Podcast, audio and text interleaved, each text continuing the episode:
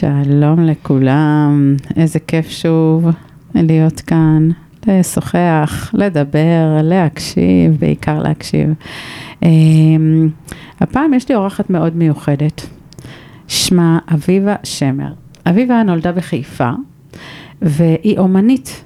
היום, אה, תכף נבדוק בת כמה היא, כי זה היה ממש מזמן זה שהיא הייתה אומנית, והיא גם מטפלת בעין הבדולח. אמ, אני אה, לפני שבוע בערך זכיתי לבקר אצלה בבית. הייתי עם אה, כמה חברים. אני זוכרת שירדתי ככה, שלום אביבה. שלום. תכף אנחנו נדבר. אני זוכרת שירדתי במדרגות אלייך הביתה, והיה, אמרתי, וואו, וואו, וואו, לאן הגעתי, מה זה? ואז את חיכית בדלת, עמדה שם מין דיבה מיוחדת כזאת, עם חיוך רחב, טלטלים בלונדינים. נכנסתי הביתה, אני פשוט לא הבנתי איפה אני נמצאת. היה מטורף, ואז הנוף של כל חיפה שנפרס. מה אני אגיד לכם, כל מי שמקשיב לי עכשיו, וממש ממש רוצה, שירים טלפון, אולי תסכים לפתוח לכם גם את הבית, who knows. מה שלומך, אביבה? תודה, חג שמח. חג שמח. איך את, מה, אנחנו מקליטים בפ... בפסח, סוף פסח, כן, מחר מימונה. נכון. ואיך את uh, מרגישה עכשיו כאן? ספרי לי. איתך, אני מרגישה מצוין. איזה מותק, אני מתרגשת שתדעי. Uh, אני רוצה לשאול אותך, uh, לפני שניתן קצת יותר פרטים, מהי הקשבה עבורך? במילה אחת. במילה אחת זה להיות בטוטליות בשביל. טוטליות. טוטליות. הקשבה זה הדיבור. הפודקאסט שבו תגלו את הדרכים להקשיב. כי כולנו זקוקים לקצת הקשבה, נכון? בהגשת שרי ג'קסון קליין, המקשיבה ויזמת יום ההקשבה הישראלי. אז שתהיה לכם הקשבה נעימה. כן, כן, שתהיה לכם הקשבה נעימה, אני מקווה מאוד שתקבלו ערך מהמפגש שלנו היום עם אביבה. אביבה, את אה, אומנית המון שנים, נכון? כן. ו- אבל לפני כן יש לך, אה, את אימא, שלוש בנות, של שרון, כן. נכון? שחברתי המתוקה. איך קוראים לבנות השניות? טלי, שרון וסיוון. סיוון. סיוון גרה בצרפת. בצרפת, מקסימה, זכיתי גם להכיר אותה. ואיך אה, בעצם התחיל כל הסיפור שלך באמנות? זה משהו שלמדת או משהו שפשוט יצא מבפנים? אה, תמיד מגיל צעיר מאוד מאוד אה, קראתי הרבה, המון המון קראתי. מגיל מאוד צעיר הייתי מסתגרת לי בסלון הענק שהיה לנו, ואמא שלי הייתה נכנסת לחדר ואומרת לי, היא קראה לי המתמיד, והיא אמרה, אביבה, יהיו לך, לא, יהיה, לא, לא תתחתני ויהיו לך משקפיים ולא תתחתני. פחדה, כן. למה? ממה היא פחדה? היא לא, לא הבינה, היא לא הבינה את הצורך הזה שלי ללמוד כל כך. והייתי לומדת, הייתי קוראת, הייתי מתעניינת בעיקר בפילוסופיה ובשירה, והייתי מאיירת את השירים שמציירת, את השירים שלמדתי אותם ושהתלהבתי מהם, אז הייתי עושה ממש, ציירתי אותם. הפנמתי אותם וציירתי אותם, זה היה מגיל מאוד צעיר. בלי ללמוד? פשוט. לא, בלי ללמוד, זה היה צורך, זה, זה היד הלכה. מאליה. וואי, זה מקסים. כן. ו... ואז בהמשך השנים בעצם פיתחת את זה? בהמשך השנים, כן, ניסיתי, ילדתי שלוש בנות, ואז נפתחה הפקולטה לאומנות בחיפה. פעם ראשונה בחיים באוניברסיטת חיפה, ואני נרשמתי. וזהו, ככה התחלתי. באתי בעצם, פיסלתי מגיל 12, פיסלתי אצל אהרונציק אשכנזי, ובאתי להתמחות בפיסול. אבל באתי לאוניברסיטה והיה שם מורה לפיסול שהיה יושב בקפיטריה כל הזמן. בא לשיעור לחמש דקות, תולש חתיכת חמר והולך הלאה. אז אמרתי, זה לא מתאים לי. אני בן אדם רציני, הלכתי למורה לציור, משה גבעתי שהיה באותם ימים, והייתי כבר עוצרת גלריות, והבנתי אומנות, וראיתי אומנות, ואני בן אדם מאוד רציני ומאוד טוטאלי.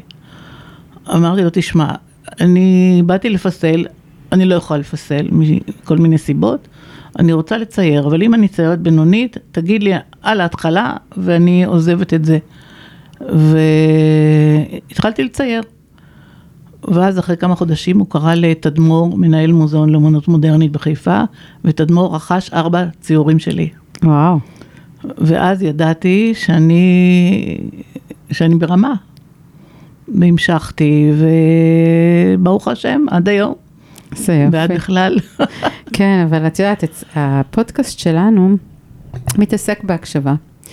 אז אה, אני יודעת שאת אומנית, אבל אה, יחד עם זאת, אני גם קניתי ממך את הספר, אה, את עוסקת בהקשבה, ובהקשר הזה, שאני יודעת שלמדת עין הבדולח, ורציתי לשאול אותך, איך הגעת לכל הנושא הזה בכלל של לימוד, של יהדות, של הקשבה? איך, מאיפה, מתי? איך, מתי כל זה התחיל? הייתי, אה, עסקתי בזן בודהיזם הרבה שנים, והייתי מציירת אה, ציורי זן, ומפסלת זן. מה, גם ומרצה, כן, ומרצה לזה אפילו, אפילו בהודו, הייתי, הזמינו אותי להרצות בכמה אשרמים, ועד שהייתה לי חברה עם ארבעה ילדים, עם שבעה ילדים, שבגיל צעיר בעלה עזב את הבית והלך לעשות uh, מדיטציה בערים. והיא אמרה לי שזה ככה, בבודהיזם זה, זה נורמלי. אז אמרתי, אוקיי, את פה, לא, לא, רגע, לא תסבירי את זה. בשבילי. שנייה, תסבירי את זה. כן. כי זה לא ברור. את אומרת, הכרת חברה ש, שאמרה לך שבגיל 40, בהודו הגברים נוטשים כן, את הרבה הבית? מהם כן הולכים לעשות נירוונה בערים, כן, אלה- אלה שזה שיש- מקובל. אלה לא, לא, שיש- יש הרבה אלה כאלה. שעוסקים בבוד- כן, זה אלה חלק ש- מה... כן. אה, הבודהיסטים. כן. וואו. ואז מה, אמר... עם ילדים והכל לא משנה? כן, לא משנה. הגבר הולך. הולך, הולך לעשות מדיטציה בערים, ונגמר העניין, הוא לא חוזר. מה? לא. קיצור, אמרתי, בהתחלה חשבתי שזו תכלית, להיות ככה ב- בשלווה ובנועם ובנירוונה, ואז אמרתי, לא, זו לא תכלית. חזרתי לארץ, התחלתי להמשיך אה, לימודי פילוסופיה, ואז במקרה, שאני לא מאמינה שיש דברים כאלה מקרים, נכנס ראש החוג לפילוסופיה יהודית, והוא אמר שכל ספר הזוהר וכל ספר התורה לא נכתב אלא כדי שנגיע ל"ואהבת לרעך כמוך".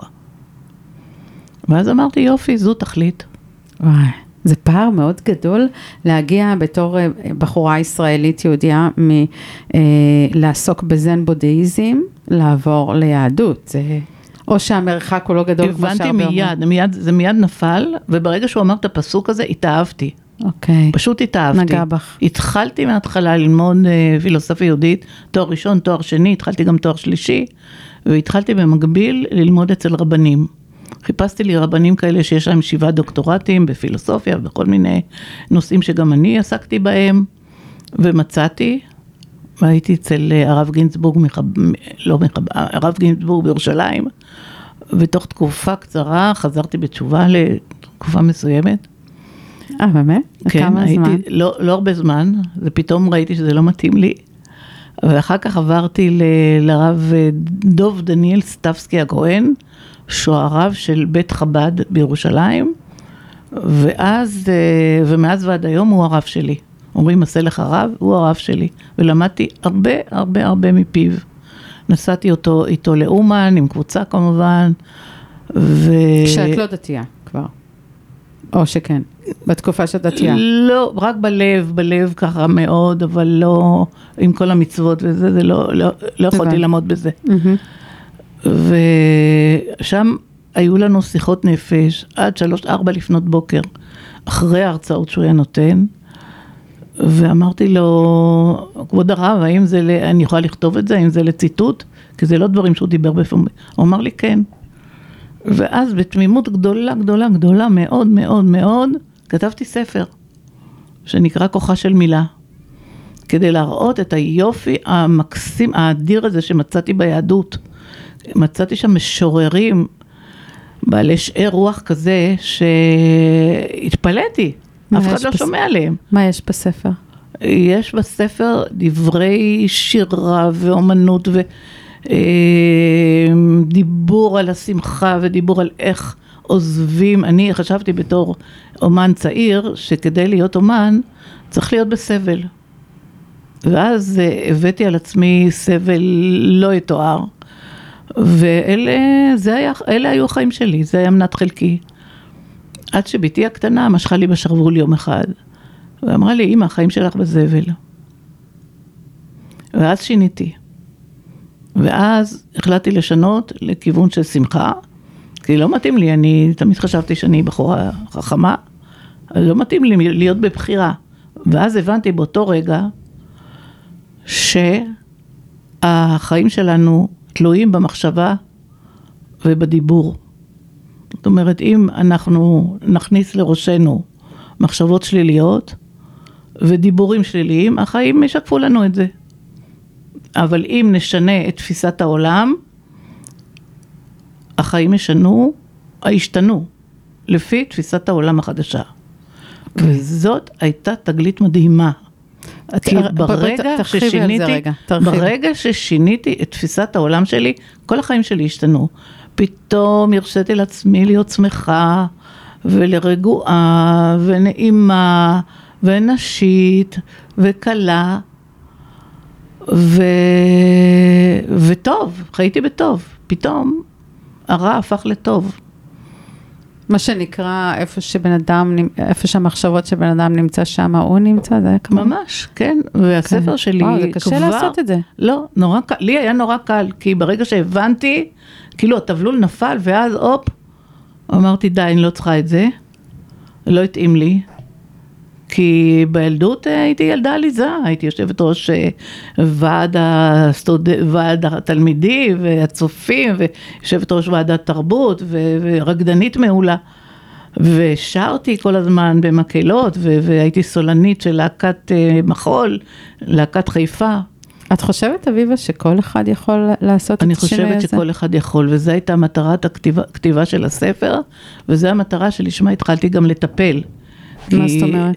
לטפל? אה, לטפל באנשים. כי אמרתי, אם אני עשיתי שינוי כזה, כל אחד יכול, אבל כדי להיות מטפל, כדי להעביר את זה הלאה, רציתי להיות אה, מוסמכת. אז הלכתי, עשיתי תואר אה, שני בטיפול בעזרת אה, אומנות, ריפוי בעזרת אומנות. אה. ריפוי באומנות. ריפוי באומנות, ובאמת עבדתי עם הרבה אנשים, ולשמחתי הרבה יש דברים שאני יכולה לספר אותם שעות על שינוי חיים שנגרם למטופלים בעקבות מספר טיפולים לא גדול. של אומנות.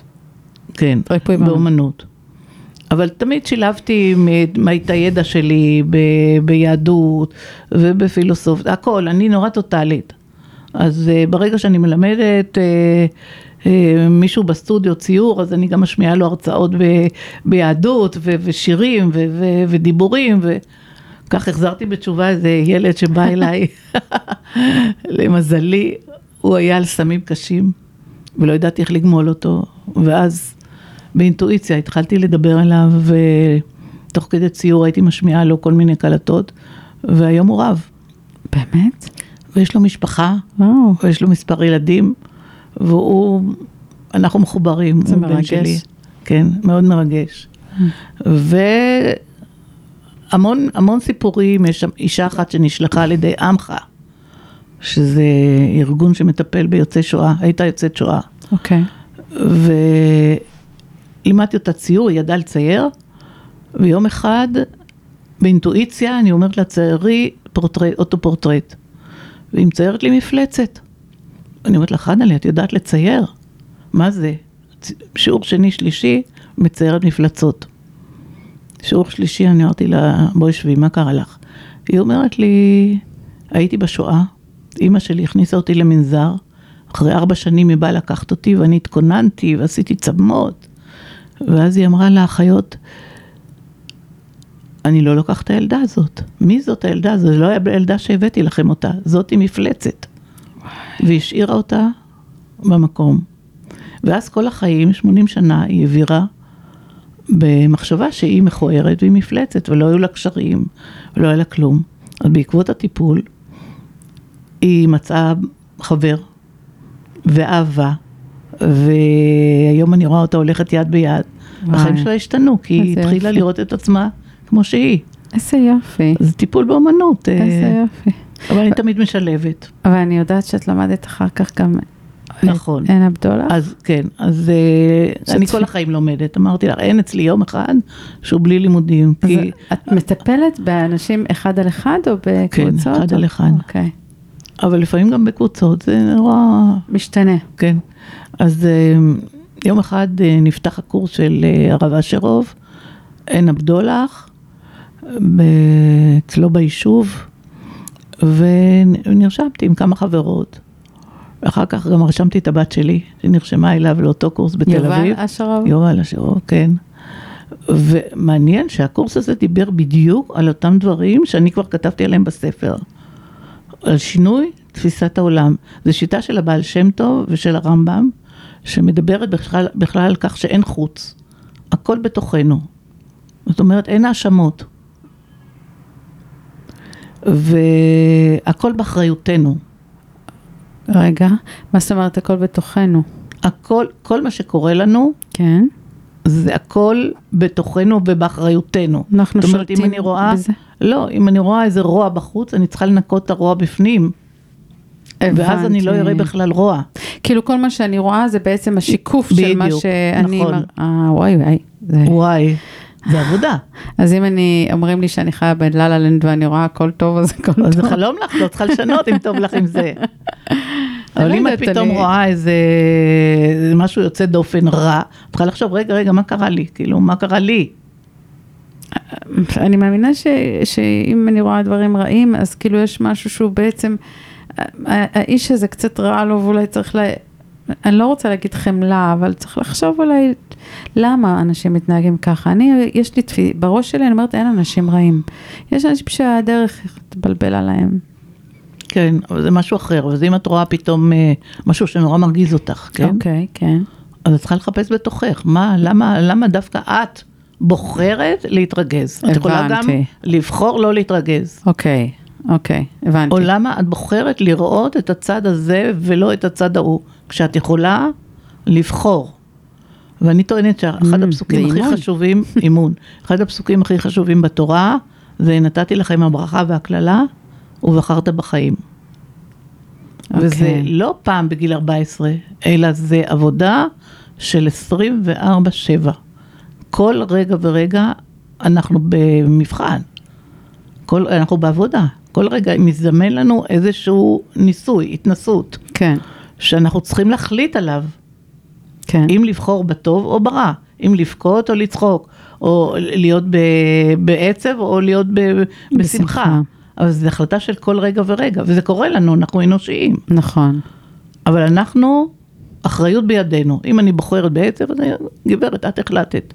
את יכולה גם לצאת. כן, את בוחרת לא, בסדר, זה, את יודעת את זה. מאוד מעניין. מרתק. לא רק. מרתק, זה משנה חיים. כן. זה, זה השיטה, זה הדרך של עין הבדולח? הדרך של עין הבדולח זה לעשות, אה, לקרוא לבן אדם שיושב מולך, ולעשות לו, לשאול אותו שאלות על העבר, על העבר שלו, הקרוב והרחוק, ולהגיע לשורש. זאת אומרת, בעצם זה טיפול שורש. Hmm. כי בעיות שלנו, הן לא באות ככה. הן באות בגלל משהו מסוים שחונכנו אליו, או שחווינו, או איזה טראומה, משהו מילדות מוקדמת, או אפילו מטרום לידה. כן. והרעיון של העין הבדולח זה להגיע לשורש. וברגע שאנחנו מנקים בשורש, הבעיה לא תחזור. הבנתי, וואו. זה מרתק. מרתק. ממש. אז בעצם ב- בתקופה הזו של חייך, את uh, עדיין uh, מציירת, מפסלת, וגם מטפלת באנשים, וגם פוגשת אנשים, מה את עושה עכשיו בתקופה הזו? אני עושה הרבה. חוץ מזה שאני רוצה שהציורים שלך יפארו את היום ההקשבה הישראלי. אז אה, בגילי, אה, בגילי המופלג, אני החלטתי באמת להקדיש את חיי. את לא נראית בכלל, רק ש... ברוך השם, תודה. לתת את כל מה שאני יודעת וכל מה שלמדתי, ולמדתי הרבה, ויש לי אפשרות, כתבו עליי, כתבו עליי הרבה, הרבה מאמרים, הם כתבו שיש לי הכוח לתת כוח לאנשים למצוא את כוחם בתוכם. וואו, אוקיי. אז זה גם עושה הספר שלי שמראה איך למצוא את השמחה, איך עושים את זה, ואיך למצוא את היופי. וגם הציורים שלי שהיו פעם שחור לבן, הם היום צבעוניים ועליזים ומשמחים, ואנשים שזה תולה אצלם בבית אומרים לי שהם ממש הבאתי אור ושמחה לחיים שלהם. איזה יופי. כן, אז uh, באמת הרעיון שלי זה לעזור לכמה שיותר אנשים למצוא את הכוח שלהם בתוכם. וברוך השם, זה מפה לאוזן, אני לא, לא עושה שום פרסום. אנשים באים מהארץ ומחו"ל להתייעץ, אה, לשמוע, להקשיב ולהשתנות, לנסות לשנות את אה, תפיסת העולם שלהם. ולנסות להיות בשמחה, כי הרבה אנשים לא יודעים ששמחה זה בחירה. הם חושבים ששמחה זה שם, הפעם משהו, ביתי תתחתן בגיל 30 ותביא לי נכדים, אז אני אהיה מאושרת. לא, חמודה. שמחה זה כאן, ואת צריכה ללמוד להביא אותה לעצמך. זה בחירה שלך. כן. וואי, את ממש מעוררת השראה עם כל הראייה שלך, ואני גם זוכה להכיר אותך קצת יותר קרוב בזמן האחרון, ואני ממש מתמלאת מזה שאת פשוט לוקחת את החיים, ולא משנה מה קורה מסביב, ואת פה, כאן ועכשיו, אני פה, אני נושמת, אני חיה, אני, את נהנית מכל ה, מה שקורה סביב, וזה באמת, הזה מרגש. ברוך השם. ממש. ובעצם, את אומרת, הייתי אצלך בבית, שכבר ציינתי את זה בהתחלה, ואני רוצה להגיד, לשאול אותך, כאילו, היית שמחה עם... אה, אה, נגיד קבוצות שיתאמו איתך לבוא ולראות את זה, כי לי מרגיש שכל אחד צריך לראות את הבית של אביו, ככה אני מרגישה. כי באמת, אה, חוץ מזה שהוא מאוד מאוד בעל אופי, והוא מיוחד כל כך, והנוף מרהיב, יש משהו אנרגטי שאני מרגישה שכשיצאתי ממך, האדוות המשיכו להגיע גם לימים. אני לא יודעת מה עשית שם, מה יש לך שם, אין לי מושג. משהו באנרגיה נתפס ו- ויצר אצלי נעימות כזאת. ואני אומרת, למה שאחרים לא ייהנו? אני שואלת אותך, איך אפשר? אנשים... אפשר ליצור איתך קשר ולבדוק נגיד התארגנות של, אה, כמובן שאני לא מצפה שאתה תפתחי את הבית שלך ללא תמורה, זה ברור, אבל אה, אפשר שזה יקרה? כאילו, כן, אנשים יכולים ליצור זה, קשר ולבוא כקבוצות? כן, לבוא כקבוצות. מי שלא יודע. ואנשים מי... אומרים לי, כן, שמרחפים אחרי זה. זה נכון. שבוע ימים על אדוות של ואהבת לרעך כמוך, כי נכון. זה המוטו שלי באמת. את מעבירה את זה ממש ממש חזק, כאילו, זה, זה מקסים. אז את אומרת לי בעצם ש, שאנחנו יכולים לה, להפיץ את הבשורה שמי שמעוניין. ברצון ובשמחה, כי זה באמת עושה טוב, וכמה זמן שאני פה עלי אדמות, אז אני, אני רוצה כן. לעשות את הטוב הזה, אם אני יכולה. כלומר, אם יש לי איזה גיפט, שאני, איזה מתנה שאני יכולה לתת לאנשים, אז מקסים. אני רוצה מקסים. לעשות את זה, כאילו, לא לבזבז את ימיי בסתם... אה, אלא באמת להביא תועלת. מדהים, זה... אפשר להגיד לכל, למי שמקשיב לנו בת כמה את? מותר לי? אני בת 80. יואו, את, לא, אתם צריכים, אני הייתי ביום הולדת שלך, גם זכיתי להיות איתך פה ביפו, כן. שהבנות שלך באו איתך. זה לא, זה לא, אין קשר, כאילו, בין הגיל הכרונולוגי לבין, ה, לבין מה שקורה. אני אומרת, זמנו של אף אחד לא עמד כאן מלכת, בואי. אוקיי? כולנו מתקדמים. תמיד אומרת, זה לא משנה בין כמה אתה, חשוב מה עשית ומה אתה עושה עכשיו. נכון. בשביל היקום הזה. וזה, אני מוכרחה להגיד לך שזה היה לי הלם, זאת אומרת, הייתי בת 80, ופתאום באתי לרופא המשפחה שלי, הוא נתן לי איזה שני כדורים, ואני אומרת לו, דוקטור, אני לא לוקחת כדורים בחיים. אז כל החיים אני צריך לקחת אותם? הוא מסתכל עליי והוא אומר לי, גברת, בת כמה את? אני אומרת לו, ואז הוא אומר, תגידי, כמה את חושבת שזה כל החיים? באותו רגע אני צחקתי איזה חצי שעה, באמת, נפל לי איזשהו תבלול, אז חצי שעה צחקתי מרוב uh, מבוכה, או לא יודעת מה, להגיד, כן. איך להסביר את זה, אבל ב, פתאום הבנתי, חשבתי, אני כל הזמן, עד גיל 80, חשבתי שאולי אני בת 30. אז uh, באתי הביתה, התחלתי לעשות סדר, הורדתי, הייתי מופיעה בתערוכה באיזה מוזיאון בגרמניה או בצרפת או בארצות הברית, וזרקתי אותה למעלה עם התיק על הבוידם, ולא הסתכלתי עליה יותר. פתאום הורדתי את כל הבוידם, כל הציורים, ואני רואה אלפי ציורים מפעם, וטובים, באיכות מוזיאלית. והתחלתי לעשות בהם סדר. וסידרתי את הסטודיו, וזהו, אז עכשיו אה, הסטודיו מוכן. כאילו עד עכשיו לא, לא הייתי ערה לזה, לא, לא רציתי למכור תמונות, כי כל אחד היה בנה, היו בניי. כן. אבל עכשיו אני מוכנה לפתוח את הסטודיו ולמצוא להם בית טוב שאוהב אותם, כי זהו, אני, רוא- אני הבנתי שאני בת 80, זה, אני לא אהיה פה לנצח. אני אומרת שאני הולכת לחיות פה עד גיל 200. אני מכינה תוכניות, מאיפה אני יודעת מה יהיה מחר? אז פשוט הרופא הזה הוריד לי את התבלול.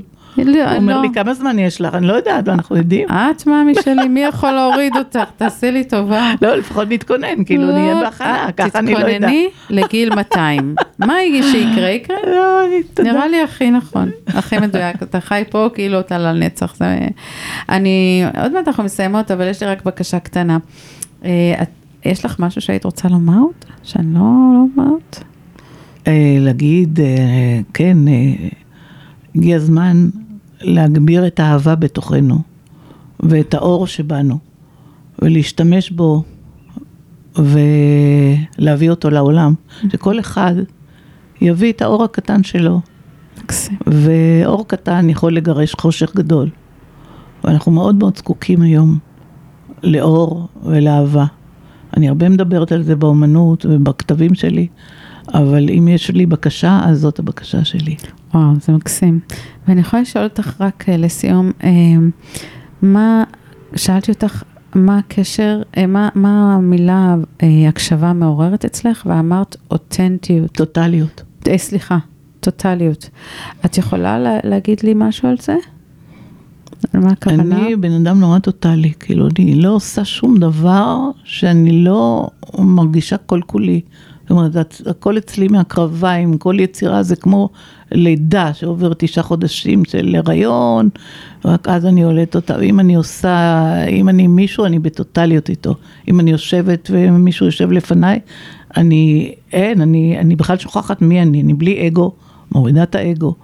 ורק מקשיבה, אני כולי הקשבה. זאת אומרת, אני ממש נכנסת ל... לנשמה ורואה אותו, רואה את הבן אדם מולי. כן, וזה נקרא באמת להיות בשקט ולהקשיב בכל כולי, לא רק, לא רק באוזניים, אלא בכל רמ"ח איבריי. מדהים. וזה זה דבר ש... זה בי, זה קיים בי, כשאני עושה משהו, אני בטוטליות. מקסים. ולכן אולי זה גם מביא תועלת, זה, זה, כי זה לא יכול שלא. כאילו, אני, אני נורא רוצה, אני נורא מאמינה, אני, אני כן. מתכוונת, והשני מרגיש את זה, זה אין חוכמות. לגמרי, אני יכולה להודות. אז אה, אני רוצה לומר לך תודה רבה שבאת. תודה שהזמנת אותי, את מקסימה. שהתארחת, כמה, צורה, איזה כיף.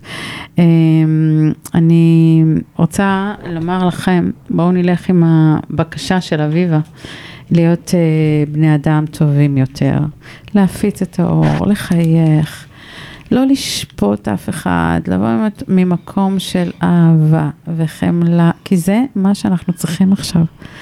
אומרים שכל אדם צריך מבוגר אחראי אחד שיאמין בו. אני אומרת שכל אדם צריך בן אדם אחד שיקשיב לו. שיהיה לכולנו רק טוב. אתם מוזמנים להמשיך להגיב באינסטגרם, בפייסבוק, בכל מקום. אני רואה הכל גם בוואטסאפ. אה, זה מאוד מאוד משמח אותי. ושאהבה והקשבה תהיה מנת חלקכם תמיד. הקשבה זה הדיבור. הפודקאסט שבו תגלו את הדרכים להקשיב. כי כולנו זקוקים לקצת הקשבה, נכון? בהגשת שרי ג'קסון קליין, המקשיבה ויזמת יום ההקשבה הישראלי. אז שתהיה לכם הקשבה נעימה.